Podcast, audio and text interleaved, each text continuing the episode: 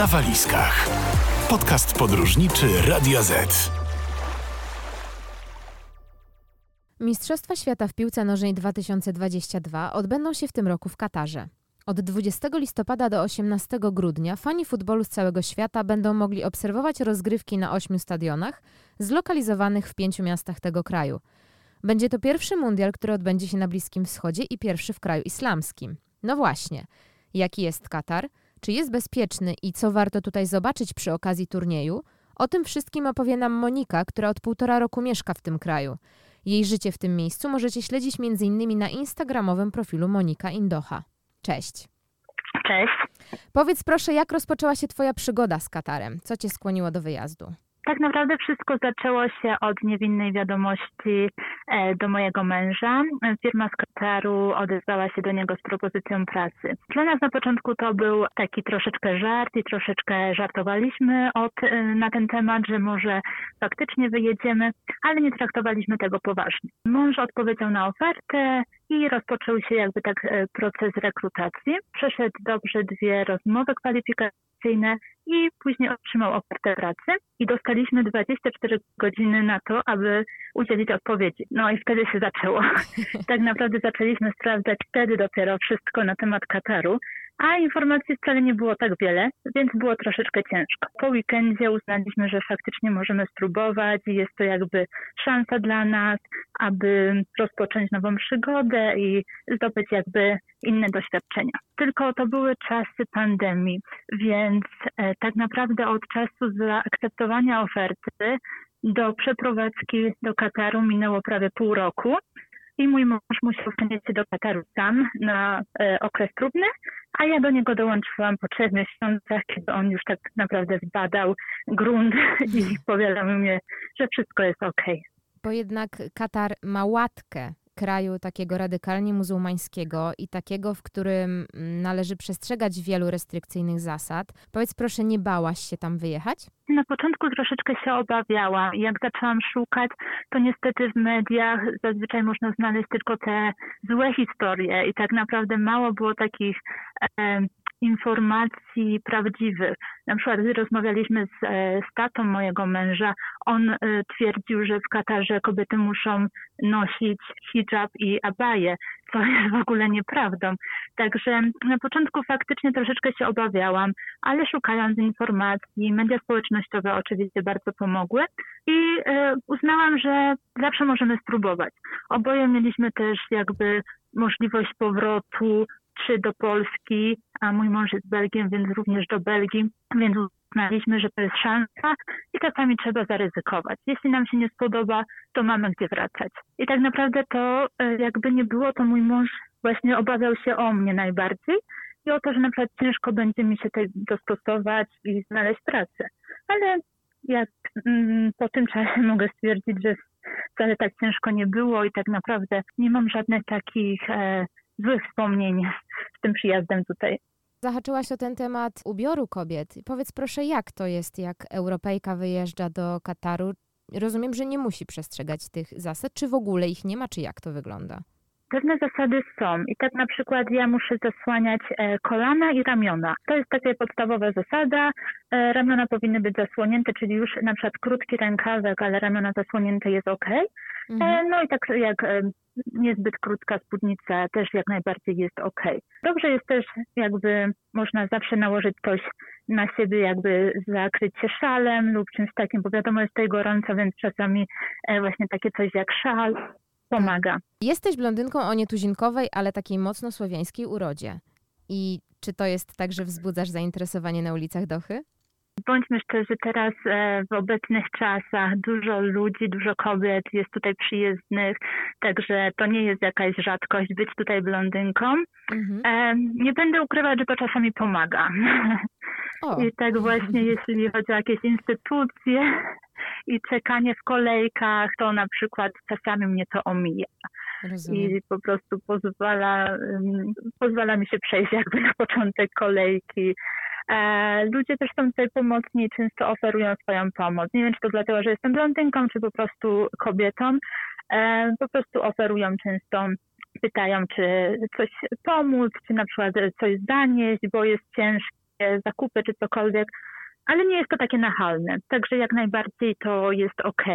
Jeśli chodzi o takie śmieszne sytuacje, to na przykład moja menadżer chciała zamówić e, taki dystrybutor wody do mieszkania i e, pani, panią zapytał, czy mieszka sama, czy z mężem. Ona odpowiedziała, że sama, a on jej powiedział, że takiego nie może w takim razie sprzedać, gdyż ta butla jest 20 litrów i ona sobie nie poradzi. Także czasami to jest troszeczkę nadopiekuńczość, a czasami jest pomocne. A jak byś opisała Katarczyków? Katarczycy wydają się troszeczkę tacy nieosiągalni, ale po jakimś poznaniu e, naprawdę okazują się fajnymi ludźmi. I to pokolenie takie w naszym wieku, mhm. oni są bardzo otwarci. Zazwyczaj studiowali za granicą, bardzo dużo podróżują i e, znają obce kultury, są otwarci, oglądają te same filmy, oglądają e, mężczyźni, kibicują tym samym drużynom, ale pewnie ciężko jest troszeczkę przeniknąć do ich towarzystwa, bo to jednak są różnice kulturowe, ale tak jak mówię, po jakimś poznaniu naprawdę okazują się fajnymi ludźmi, otwartymi i na pewno są bardzo gościnni. Na przykład krążą takie legendy o tym, że po prostu w krajach arabskich głównie, ale również w Katarze, oni nie pozwalają płacić za siebie w restauracji, zawsze oni muszą płacić i e, lubią po prostu być gościnni i zapraszać na różne takie uroczystości. A powiedz proszę, jak jest z bezpieczeństwem w Katarze? Kilka lat temu było głośno o tym, że Katar został oskarżony o sponsorowanie terroryzmu. No i też nie da się ukryć, że taka łatka trochę z nim została. Jak ty to odczuwasz jako osoba, która jakby jest tam w środku? Tak, dokładnie były takie oskarżenia i na kilka lat e, była blokada mm, Kataru przez inne kraje arabskie tutaj. I Katar dość mocno odczuł tę blokadę, bo zablokowane były granice, drogi. Jako, Katar jako um, kraj głównie importujący wszystko z zagranicy um, miał duże problemy, gdyż blokada została nałożona nagle, więc zostali tak naprawdę bez um, wielu produktów, które były importowane. Mhm. E, ta blokada została zniesiona w tamtym roku. Tak naprawdę jest to jakby sytuacja polityczna, która miała na to wpływ, ale jeśli chodzi o samo życie tutaj, to my nigdy czegoś takiego nie odczuwaliśmy. Bo Doha tak naprawdę jest jednym z najbezpieczniejszych miast na świecie i właśnie e, żyje się tutaj bardzo, tak spokojnie. Na przykład bardzo często zostawia się samochód włączony na parkingu, gdy idzie się do sklepu lub załatwić coś szybko, e, gdyż no po prostu nie ma takiej możliwości, że ktoś samochód ukradnie. Można postawić wszystko na stoliku w restauracji, e, telefon, laptop i wyjść do toalety i jak się wróci, to nadal tam będzie. Także naprawdę, jeśli chodzi o taką przestępczość i taką w życiu codziennym nie ma e, w ogóle czegoś takiego. Nigdy tego nie doświadczyliśmy i też ze wszystkimi, który, z którymi rozmawiam, to właśnie taka jest opinia, że po prostu można się tutaj czuć bardzo bezpiecznie. Kobiety również czują się bezpiecznie i jak najbardziej można wyjść i wieczorem po zmroku. Nie ma takich e, jakby obaw o to, że coś się może wydarzyć. Nie zachęcam też panów może, żeby zostawiać wszystko na stolikach, jak tutaj się pojawią, no bo jednak na mundial oczekujemy e, ponad miliona osób e, z zagranicy, więc sytuacja może wyglądać troszeczkę inaczej. No tak, zdecydowanie. Jak się zjadą mm, różnego rodzaju narody, to wiadomo, że to bezpieczeństwo może być nadwyrężone. Do tego jeszcze za chwilę przejdziemy. Ale powiedz mi jeszcze proszę, bo jednak mm, w lipcu na przykład w Katarze jest przeważnie pewnie koło 40 stopni Celsjusza, a zimą nawet temperatura przekracza te 20 stopni. Czy trudno jest się przyzwyczaić do takiego klimatu po życiu w Polsce? Na początku jest bardzo trudno. E, lato, sama temperatura może nie jest taka najgorsza, ale dla mnie osobiście najgorsza jest wilgotność powietrza, bo kiedy temperatury dochodzą powyżej 40 stopni, czasami 50, a do tego jest 80% wilgotności, to każde wyjście na zewnątrz to jest takie uczucie sauny, takiej e, nagrzanej, gorącej sauny. E, wtedy człowiek po prostu robi się mokry po przejściu 10 kroków Mhm. Czasami nawet nie da się użyć telefonu, bo ekran jest po prostu zaparowany. Także to jest najgorsze w tym wszystkim. Jeśli chodzi o taką jesień i zimę tutaj, to właśnie temperatury są bardzo przyjazne i wilgotność też już nie jest taka wysoka. Czyli tak na przykład teraz możemy w końcu zacząć wychodzić na zewnątrz, e, możemy iść pobiegać na zewnątrz wieczorem i to już jest takie przyjemne, już to tak e, nie dokucza bardzo. A sama zima to na przykład w tamtym roku była dość chłodna. Noce e, były dość chłodne, temperatury spadły do chyba 12 stopni No i na przykład ja na to nie byłam przygotowana. Pomyślałam, że jednak tak zimno nie będzie. Jeśli chodzi o sam na przykład deszcz, to w Katarze pada raz lub dwa razy do roku, zazwyczaj. Mhm. Zdarza się, że jest taka e, jakieś kilka dni ulewnych, chyba, ale zazwyczaj jest to kilka razy do roku. Także e, jest to duże święto tutaj. Wszyscy się cieszą, bo jak najbardziej deszcz jest tutaj potrzebny. Słuchasz podcastu Radia Z. Przejdźmy teraz może do tego tematu e, mundialu, przy okazji którego się mm, jest w ogóle ta rozmowa mm, nagrywana. Z okazji nadchodzących Mistrzostw Świata w piłce nożnej wiemy, że w Katarze zbudowano stadiony, metro, przebudowano też dzielnice, stworzono wiele atrakcji turystycznych. Jak wyglądają te stadiony, jakie technologie zostały użyte, czy one są spójne z tymi tradycjami, które jakby no, są kultywowane w Katarze? Jak to wygląda? Dokładnie 10 lat, e, 11 lat temu Katar, kiedy ogłoszono, że dostaje mistrzostwa, to od tego czasu Katar zmienił się e, drastycznie, czyli po prostu wszystko jest tutaj wybudowane, nowe e, autostrady, tak jak mówiłaś, metro, e, bardzo nowoczesne mm, zresztą i same stadiony są faktycznie bardzo nowoczesne, ale są też wybudowane w ten sposób, aby pokazać troszeczkę te tradycje i nawiązać do tradycji Kataru. Czyli y, mamy stadion Al Bayt w mieście Alcor, który nawiązuje do y, namiotu nomadów, czyli tych mieszkańców y, Kataru przed laty. I ten y, stadion jest naprawdę w każdym 100% odwzorowaniem takiego namiotu na pustyni, gdzie można się poczuć jak naprawdę w takim arabskim namiocie, także wszystko jest, nawiązuje do tego, każdy szczegół jest dopracowany i stadion jest naprawdę przepiękny. Później mamy stadion Altumama, który swoim kształtem nawiązuje do e, takiej, takiego nakrycia głowy mężczyzn tutaj w krajach arabskich. I jest to bardzo elegancki stadion i pięknie się prezentuje i naprawdę super wygląda. Możemy dużo powiedzieć o stadionie 974, który jest bardzo ciekawy, bo został wybudowany z kontenerów. I po mistrzostwach te kontenery i cała konstrukcja zostaną rozłożone i będą ponownie używane. Jest to Mhm. jakby pierwszy raz coś takiego się dzieje w historii, także jest to dość ciekawe. Na początku nie byłam fanką tego stadionu, ale teraz naprawdę go uwielbiam. Jest bardzo ciekawy. Zresztą Polska zagra tam dwa mecze, Mhm. także jak najbardziej mm, fajny stadion do zobaczenia. Później mamy Lusail, który jest jakby taką złotą arką na pustyni. I tak naprawdę Lusail Stadium, całe miasto Lusail nie istniało e, przed 10 laty. Po prostu pomysłem było jedynie na papierze. Teraz jest e, super nowoczesnym miastem, zaprojektowanym od zera. E, Właśnie my tutaj mieszkamy w Lusail Marina i jest piękne. No Wiadomo, jeszcze dużo rzeczy jest, e, że tak powiem, w trakcie budowy, Mhm. bo tak naprawdę cały plan Kataru to jest na lata 2030, więc możemy nadal widzieć, że niektóre budynki są w trakcie budowy i to nie jest na mistrzostwa, także to miasto będzie się jeszcze rozwijać jakiś czas. Pozostałe stadiony również e, są wybudowane w nowoczesnych technologiach i jest plan Kataru na to, aby później po mistrzostwach te stadiony zostały w jakimś stopniu, że tak powiem, rozłożone i krzesełka na przykład zostaną przesłane do krajów afrykańskich i do innych e, krajów, takich, które potrzebują jakby inwestycji w sport. E, wiele stadionów zostanie przekazanych na jakby inne instytucje, które mogą je użytkować po mistrzostwach, czyli pojawią się na przykład szkoły i jakieś centra handlowe. Także jest cały pomysł na to, jak e, użytkować te stadiony już po mistrzostwach, aby one nie stały po prostu puste i tylko przyczyniły się do czegoś dobrego.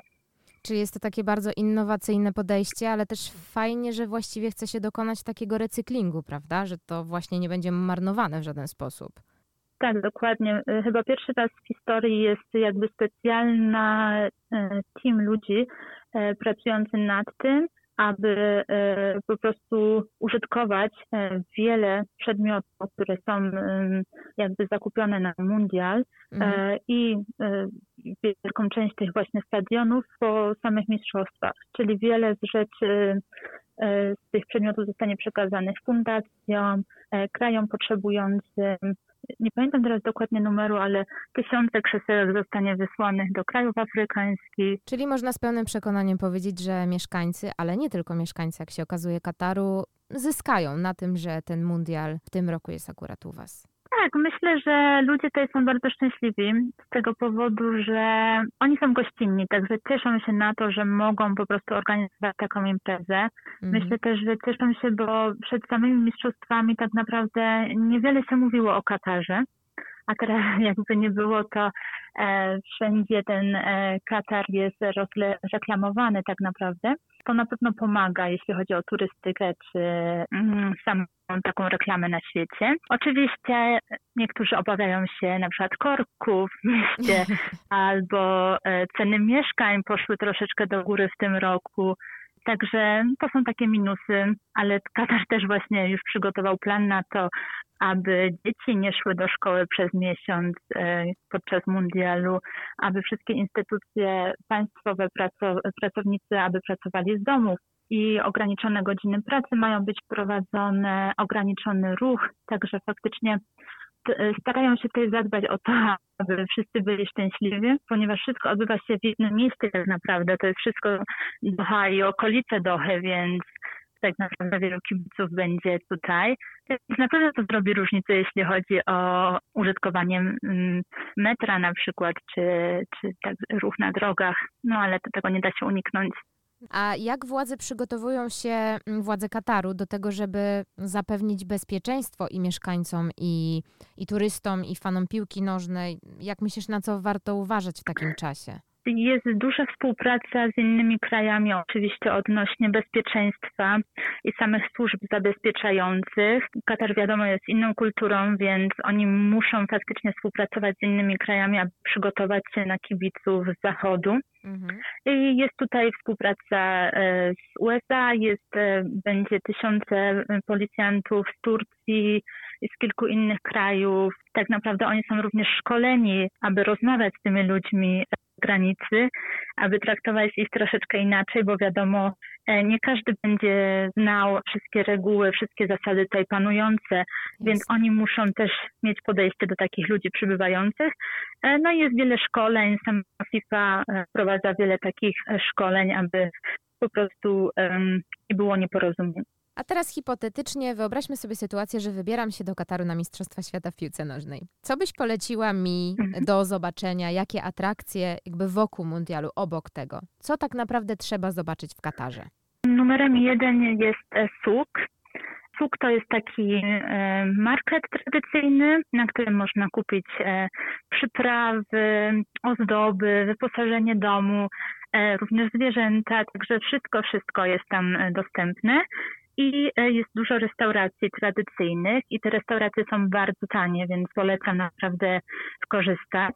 I przede wszystkim, jeśli ktoś chce coś przywieźć z Kataru, to polecam daktyle, które są przepyszne i są tutaj produktem numer jeden e, tak naprawdę. I polecam również zajrzeć na suk złota, tylko stary suk złota, na którym można naprawdę znaleźć piękne mm, przedmioty ze złota w bardzo dobrych cenach tak naprawdę. Poza tym kornisz. Kornisz to jest taka droga idąca wzdłuż wybrzeża, wzdłuż zatoki z widokiem na West Bay, czyli ten taki typowy widok, który zawsze jak wpiszemy do w internet, to pierwsze co nam się pojawia. I ten kornisz będzie cały zamknięty dla ruchu, także będzie e, taką wielką jedną strefą kibica z wieloma atrakcjami, występami.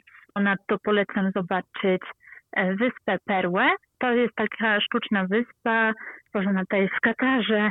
Jest bardzo dość też charakterystyczna i dość e, ładna do zobaczenia. Później Lusail, który jest właśnie wybudowany tylko na mistrzostwa, także to nowoczesne miasto, jak najbardziej fajne miejsce do zobaczenia. E, polecam również odwiedzić centra handlowe, gdyż też robią dość duże wrażenie, są dość ciekawe.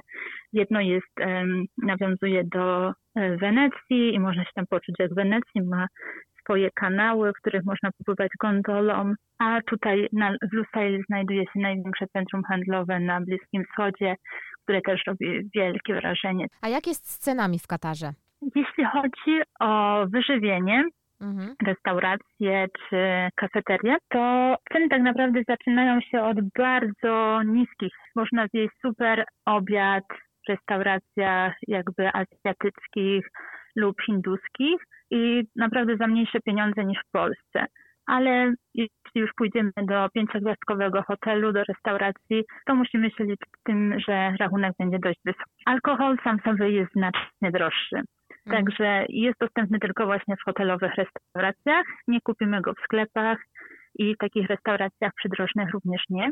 Będzie dostępny w sklepach kibica, niektórych, także jak najbardziej również tam go dostaniemy. Jeśli chodzi o cenę, to możemy się spodziewać, że będzie na pewno troszeczkę wyższa.